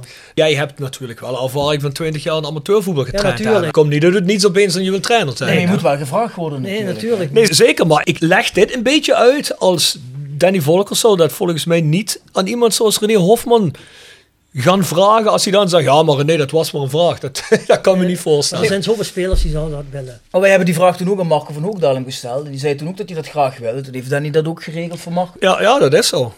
Soms Dus, heb je eh, een kruiwagen nodig. Ja, van Hoogdalen, ja, van Hoogdalen is een vriend van... eh waar zit eh, Van Hoogdalen nou? Hoe bedoel je bij Roda? Ja, Bij de A-jeugd toch? Ja, dat is ja onder, Van eh, Hoogdalen heeft nooit een 19, onder amateurteam 19. team getraind. Heeft hij wel eens jeugd getraind? Jeugd altijd, ja. Ja, waar dat dan? Ja, bij Roda volgens mij. Ja? Oké. Mhm. Dat Heeft weet ik niet. heeft al jaren bij Roda eh, jeugd getraind. Ja, Maar goed, een aantal jaar ook niet, hè. Nee, een aantal Ja, jaar. is is weer een tijdje eruit geweest, ja. Een tijdje eruit geweest. Maar daar laat Roda ook gewoon een hele steek liggen. Maar goed, ik kan heel veel vertellen over Roda. Nee, maar dat Is klopt. het niet positief. Maar goed, dat is wel, is wel de realiteit. Daar zijn we het ook wel met je eens. Want Ik wij, zit nou wij zien dat ook, hè? Ik zit nou midden in de maatschappij, hè. Mhm. Dat doe ik al jaren. Hè. Train ik mensen met een verstandelijke beperking, hè. Daar Ja. heb ik altijd in gewerkt. Het G-team van Roda. Maar we hebben ook dit jaar geen podium, omdat er is niks. Joop de Schee is daar de, de karttrekker.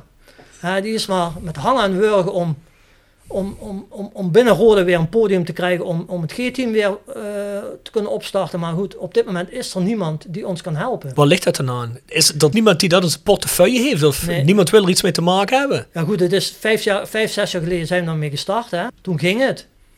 Omdat Roda eh, in de organisatie zo slecht was, is dat nooit vastgelegd binnen de statuten van Roda. We daar elk jaar op kunnen- terugvallen. Dus elk jaar moesten we weer opnieuw gaan praten voor wat kunnen we eh, regelen, eh, waar kunnen we trainen. Dit jaar weer precies hetzelfde. Dacier heeft gewoon geen aanspreekpunt en dat vind ik wel heel erg jammer. Dat je mensen met een, met een beperking, dat we die geen podium kunnen bieden, omdat er gewoon binnen Roda geen mogelijkheden zijn. Maar is er nu met die nieuwe algemeen directeur eh, ook niet iemand die dat zou moeten oppakken? Ik heb de chef vorige week nog aan de, aan de lijn gehad. Hij, hij zou deze week een gesprek hebben. Maar we zitten nu in november en we moesten eigenlijk in augustus al weer beginnen. Maar goed, door de corona. Maar als er, kijk, ondanks dat er corona is, kan je wel afspraken gaan maken. Tuurlijk. Ja, ja. Maar ja, Roda is natuurlijk ook lange tijd een stuurloos schip geweest. Kijk, nu heb je pas eigenlijk een AD. Sinds, wat is het, een maand misschien? Zou eigenlijk tot zijn takenpakket moeten Ik worden. ben het wel eens met wat René zegt. Je kunt het wel oppakken en zeggen, nou luister jongens, we kunnen niet samen gaan zitten, maar doe even een Zoom-meeting of stuur een Ja, e-mail. Ja. Eh, eh, binnen Roda had je midden in de maatschappij, hè, dan had je de, de, de oude, eh, hoe heet dat? Oude uh, walking voetbal had je. Ja, hadden allerlei, pro- allerlei projecten. Wij hadden het G-team wat Roda vertegenwoordigt. Hè? En we hadden Roda United. Maar goed, alles ligt op zijn kont. Midden in de maatschappij ook, hè? Ja, dat is ook niks, hè. Maar daar kan je toch, daar kan je toch over praten, of niet? Ja. Zo gauw als het weer kan, start dat op. Maar dat gebeurt ook niet. Dat laten ze ook weer liggen. Omdat er gewoon geen aanspreekpunten zijn om dat te regelen. Blijkbaar. Nou, ik vind dat ook een beetje is raar, dat hè? niet zo moeilijk. Nee, dat is volgens mij ook niet zo moeilijk, want we hebben hier ook wel eens gezegd, ik vind het altijd heel raar dat Roda zegt, we zijn in de opbouw nu. We moeten eerst zorgen dat we bestuurlijk goed in elkaar zitten, we moeten dit en dat doen, en dan gaan we naar de rest kijken. Maar dan denk ik bij mezelf, je kunt toch wel gewoon in conclave gaan met mensen. Voor mij zit je twee jongen met iemand samen en dan laat je dat die mensen organiseren. Want wat heb je nodig? Je hebt een toestemming nodig voor iets. Je hebt gewoon een plek nodig. Van nou, kom om die tijden, regel dat met die en die dat je kunt komen trainen. Die tijden kun je de kleedkamers in. Dat kan toch niet zo moeilijk zijn? En dat begrijp ik niet dat dat Ja, niet naast elkaar kan. Dat is een begrijp kwestie ik van verantwoordelijkheid Maar dat is met alles. is met oud-spelers ook te- te- bij betrekken. Overal slaan ze de plank mee mis.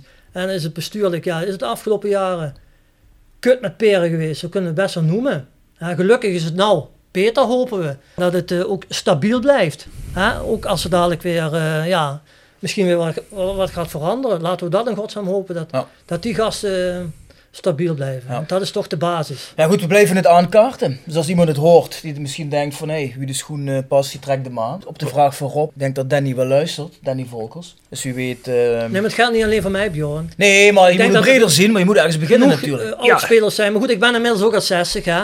Eh, bij Maar we zien wel jonger uit er. en- Ja, inderdaad. Maar goed, er zijn ook jongere trainers hè, die ook een eh, affiniteit met Roda hebben. hè. Tuurlijk. Die, Die dat- een die, al- andere Dominic of zo, hè. die dat ja, die Dominic uh, Chevermont, ja, ik weet niet hoe oud Dominic is, is zeker 10 jaar, is 50 denk ik. Ja, dat zal je zeggen. Maar er zijn nog genoeg gasten die, die bij Roda wat, wat willen betekenen. Maar jongens, geef die mensen een podium of luister eens naar ze. Gebeurt ook niet. Maar Ja. dat is met alles. Echt, neem maar van mij aan, het is gewoon met alles. Nou, laten we hopen dat er nu een organisatie staat waar het wat rustiger is. En misschien komt er nu wel oog voor. En zoals gezegd, als ze bij jou terechtkomen, misschien via jou nog een deur meer open gaat gaan naar andere jongens, zou dat toch mooi zijn? Ja, vind ik ook. Er zijn nog genoeg jongens die, eh, hè, die willen heus wel wat voor Roda gaan. Als het niet op het trainingsveld is, laat die jongens op Noord iets met sponsoren doen. Of weet ik Ja. wat op de een of andere manier. Ik- ik hè? heb- ik- voor de wedstrijd met, vorig jaar met, of- ja, met, met de Shea hebben we nog zelfs in de business street hebben we een wedstrijdbespreking gehouden van wat voor de wedstrijd ging gebeuren. Hè? Geef je wedstrijdbespreking in de, in, de, in, de, in de skyboxen. Allemaal leuk en aardig. Ja, vond ik best leuk om te doen. Ja, zeker. Tuurlijk. Maar goed, dat, dat, dat kakt dan weer in en dat wordt weer niet opgepakt en dat is weer passé. Ja goed, dat is typisch. Ik denk dat mensen het prachtig vinden om met een Jane Hansen, René Hofman en Arne Domer, Nick en Gerzende te praten. Hm. Ja, maar goed, op een gegeven moment hebben al die oudspelers, die hebben allemaal ja, een veeg om, de- om, om de oren gehad van... Jongens, het is genoeg. Ja, zenden Ah, ja. ook, zenden, ja goed. Ja. Mr. Roda bijna, hè. Shane Hans en dan komt Gerry. En dan gebeurt dat, ja, dan heeft hij ook eh, de bakkers van vol. Maar het blijft toch, Rode IC blijft toch je club. Ook Tuurlijk. voor Zenden, ook voor Hofman. Dat zit gewoon in de generatie van ons. Ja, maar daarom moet je het ook proberen naar elkaar te brengen. En als wij er ook maar e- één tikje in kunnen doen, als mensen hierin luisteren van was, want er willen ook wel eens mensen luisteren uit het organisationele, hebben we al begrepen. Probeer er iets mee te doen, want dat moet je naar elkaar brengen. Is wat René zegt, het kan niet zo zijn dat de mensen die op het veld hebben gestaan en mede Roda dat hebben gemaakt, waardoor iedereen van Roda is gaan houden, kun je toch niet opeens gewoon links laten leggen. Dat gaat niet. Maar daar hebben we het al zo vaak over gehad. Ja, nee, dat, eh, precies. Maar ja, niemand krijgt dat van de grond.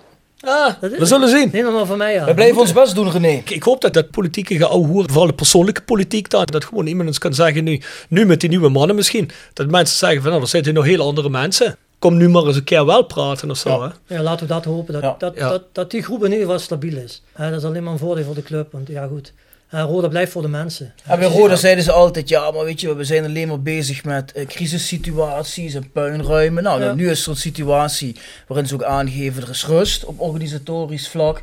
Ja, dan denk ik ook van, dan moet je nu ook de ruimte hebben om dit soort zaken op te pakken en hier wat mee te gaan doen. Ja, bovendien zou het niet gemakkelijk zijn als tegen zo iemand zeggen, Joop de Shea van, eh, ja Joop, eh, jij bent hier al een tijd mee bezig. Op dit moment hier kennen we ons er niet zo mee uit. We hebben geen expertise. Doe jij het maar, zet Ja, jij het dan maar op. gezegd. Geef Jo dat podium. Dat is echt een Ja. kundig man. Die heeft echt, die, daar lieg ik niet. Hè. Dat is echt een man met zijn hart voor, voor die doelgroep. Mm. Die moet echt een podium. Die, die had eigenlijk een zetel moeten hebben bij Roda. Toen, toen was een of andere eh, vacatures, hè, tig vacatures. Daar had, Daché, die had daar een, een, eh, een, een, een, een, een, eh, een stoel in moeten hebben in die organisatie. Neem dat maar van mij aan. Echt een, Je eh, bedoelt dat wat er nu is neergezet. ja, hè, toen waren er allerlei vacatures. Ja, je moest je op hebben, Die ja. moesten ze hebben. Maar hem hadden ze gewoon een stoel moeten geven. En nog steeds. Dat is echt de juiste man op de juiste plaats. Ja. Hey, even wat anders, eh, Rob. Denk jij dat René naar muziek luistert? The Sound of Calhei. Gepresenteerd door www.gsrmusic.com voor muziek en exclusieve merch van Born From Pain, Madball, Death Before Dishonor, Archangel en nog veel meer. Ga naar www.gsrmusic.com En iPhone Reparatie Limburg voor professionele reparatie van Apple, Samsung en Huawei telefoons. Wouderpad 7 te Beek. Ook worden we gesteund door Willeweber Keukens. Wil jij graag kwaliteitskeukendesign dat ook bij jouw beurs past? Ga dan naar Willeweber Keukens in de Boebegraaf 1 te Schinveld. Nou, schat ik hem wel Denk in. het wel, hè? Ja, zo schat ik hem wel in. Hazes, hè? Oh ja? Ja. Hazes is eh, de rode draad om mijn leven, hè? Ja? Ja. Heb je ook een favoriete hazensong? Dat, kan ik bijna niet zeggen. Oh, jawel. Als ik, als ik, vroeger had je natuurlijk cassettebandjes, hè, bij Feyenoord, hè? Als ik dat ding vergeten was, dan reed ik terug, hè? Ja? Ik heb nog met hem gezongen, hè? Op een gegeven moment moesten we bij Roda was ehm Moldberg, weet je dat? De Molberg. Ja, had je Ja, een zwembad. De Kakert. Ja? Mhm. Is nou een casino, eh, wat is het nou? Casino is het, ja. Dat wordt gebingoed, weet je. En dan moesten wij gaan eten van Roda. En daaronder was een casino. En op een gegeven moment hoorde ik dat de Hazes was. Dat hij beneden aan het eh, zingen was. Dus wij allemaal naar beneden, hè. Hebben nog gezongen met hem. Maar het is, het is een rode draad in mijn leven. Zonder Hazes Ik heb ook foto's thuis van dat zingen en zo.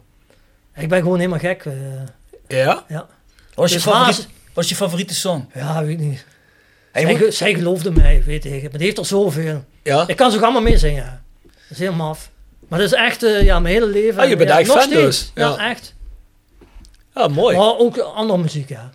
Ben je ook fan van zijn zoon, van Junior, of niet? Ja, minder. Imita- imitatie. Oké, dus wat nemen we op, Rob, op de playlist? Zij geloofde mij van André Ja. Vlieger. Ja, hij is nummer 2 met André Hazes in, Ja? de, in de lijst, hè? Maar dat is mijn- ja, mijn hele leven eigenlijk. Ja. Robert Klaassen ook, hè? Nee, nee, nee. Tijmen Goppel. Maar jongens, Koppie? Ik dacht Ja. Klaassen. sommige mensen schamen Nee. ervoor, hè. Als je hazen zeggen, we Maar moeten waarom? sukkelen. Maar iedereen kan het meezingen. Zet hem maar op, iedereen zingt mee. Ja, ja. Klaassen had toch een tattoo? Ja, maar goed, toen hadden we die playlist nog niet. Hij, Oh, nee, oké, maar... hij zag Ah, er die niet was ook uit. Ik vrij. ben aan de musical geweest. Ik heb alle cd's en dvd's. Maar, maar je hebt Ik geen tattoo van Amsterdam Hazes, geweest. René. Nee, zo gek ben ik nooit geweest. Ik heb geen helemaal geen tattoo. Denk, misschien heeft hij wel een grote kop van Hazes op de rug getatoeëerd. Hazes erboven. Maar Hazes is, ja goed, is mijn, is mijn favoriet. Oké, ja, dat is... Maar dat is al, eh, ja, Oh, 40 hoe jaar. Hoe lang is hij nou dood? 10 jaar geloof ik. Ja, Maar iedereen kan hem meezingen. Zet hem maar op ergens in een kroeg. En dat is gelijk gezellig. Rob schrijft dat even op. Hazes, zij geloofde mij. Of de vlieger, weet ik het. Ja, kies het maar. Ja, jongens. Want zij gelooft in mij. Ja, zie je? Ja, doe die maar. Doe die maar. Kan mij het schelen. Ja, Komt die hij op de playlist van The Voice of Calais. The Sound of Calais. Ja, de Sound of Calais. Dan pikken we meteen ook, denk Nee, ik... dat was eh, een hoogtepunt. Dat, die, eh, ja, dat ik daarmee mocht zingen. hè. Dat was zo chic. Maar, maar, het was de tijd van Van Loen, Di Liberto. Hè, Fraser, eh, Verhagen. Toen was hij beneden in het casino. Ja, dat was net. En dan kwamen jullie pas achter toen jullie er zaten. Ja, we waren aan het eten. En opeens werd er gezegd van hij is aan het zingen. Ja, dat is een speer naar beneden natuurlijk. Dat was natuurlijk voor René, Chic, als fan zijn was dat sowieso. Ja. Dan meen je niet dat die onder is. Ja. Als ik toen geld had gehad, had ik me uitgenodigd op mijn, op mijn bruiloft. Maar ja, dat was toen nog niet veel. hè. Was wat te duur. Ja, had je tegen nul moeten zeggen, nul, wil je eigenlijk iets goeds voor me doen? Ja, Hendricks was nooit een fan van mij. Nee? Ik was geen eigendom van hem. Ah. Ik was een van de weinigen die, eh waar hij niks over te zeggen had. Curver was mijn voetbalvader. Hè. Hij, hij, ik had, met, met Curver had ik gewoon een klik. Hè. Hij heeft me ook weer teruggehaald eh, naar Kaalheien. Wie over Frans curver hebben we het. Nee, voor Nee. Hans Curver. Hans curver. Niet Frans Er zijn zoveel curvers. Bert Trainers zijn wel hè. Daar moet je niks mee ophouden. Moet je respect voor hebben en de rest niks. Frans Curver heeft bij elke club in Limburg getraind. Ja, drie jaar, hè? Ja. Heb, heeft die, heb je als trainer gehad ook Curver? Mm. Pieter Visser, hè. Hans Pieter- Eikenbroek. Ja, maar die kan me allemaal nog wel herinneren. Sjaan Ja. Hanze. Hanze. Ik was eigenlijk denk ik. Is nog wel overleden, hè.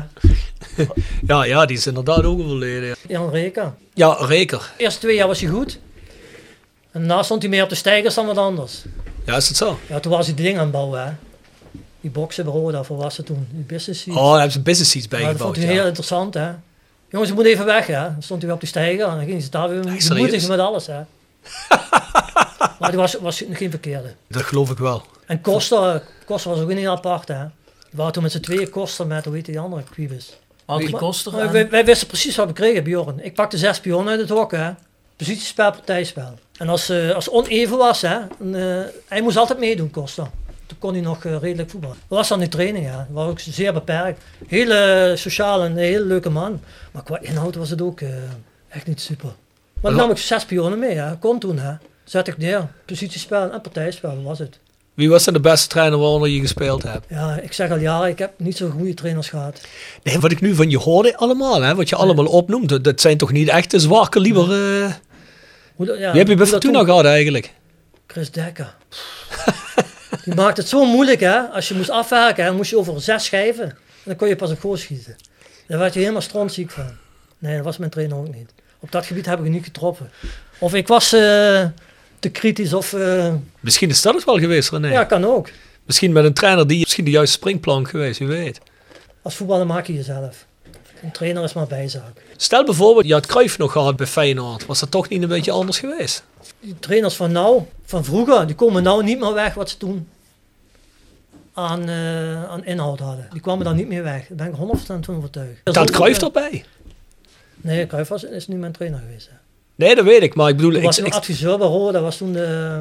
Ja, daar had je dat, hoe heet die, die sponsor nog eens. eh, Biafar, nee, had je nog zo'n... optiebeurs. Ja, die hè. Ja, die kwam ermee toen- aanzetten had toen toen, geld, hè, die vent. Ja. Hè. Dan had je Cruijff als een beetje als adviseur. Hè. Die kwam niet wel eens twee, drie keer kijken. Ik kan me nog herinneren die Kwam tijd, niet ja. de tribune opgelopen op Calheide, ja.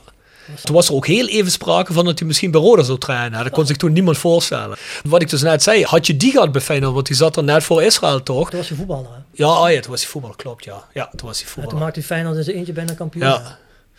Maar denk je dat je, als je in dat team met hem had gespeeld, dat dat eh, misschien... Want er stond Gullit er ook volgens mij. Ja, Ja, ja. Schulden was hij. Ja. Ja. Goed, dat was mijn voorganger. Hè. ja nou dat was ja, natuurlijk ook kwam niet nog een jaar uh, na Gullit kwam nog uh, die van Ajax, Tjöler Ling volgens mij.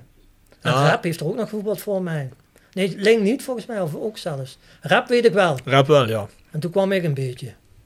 Maar er waren, wel, hebben we het over gehad, er waren ook nog ja, niet de, de glorietijden van Feyenoord. Nee. hey, eh, Bjorn. Section Frietenboot. Gepresenteerd door Herberg de Bernardeshoeve. Weekendje weg in eigen streek? Boek een appartementje en ga heerlijk eten met fantastisch uitzicht in het prachtige Mingersborg bij Marco van Hoogdalem en zijn vrouw Danny. www.bernardeshoeve.nl En Stokgrondverzet uit Simpelveld. Voor al uw graafwerk, van klein tot groot. Onze gravels staan voor u klaar. Tevens worden we gesteund door Wiert's Personeelsdiensten. Ben je op zoek naar versterking van je personeel? Contacteer dan Wiert's Personeelsdiensten in het PLS en vraag naar Mark of Sean. www.wierts.com Vraag jij eens wat René zijn favoriete snack is in de frituur. Ja, komt René was in de frietenboot. Ik ga er nou naartoe.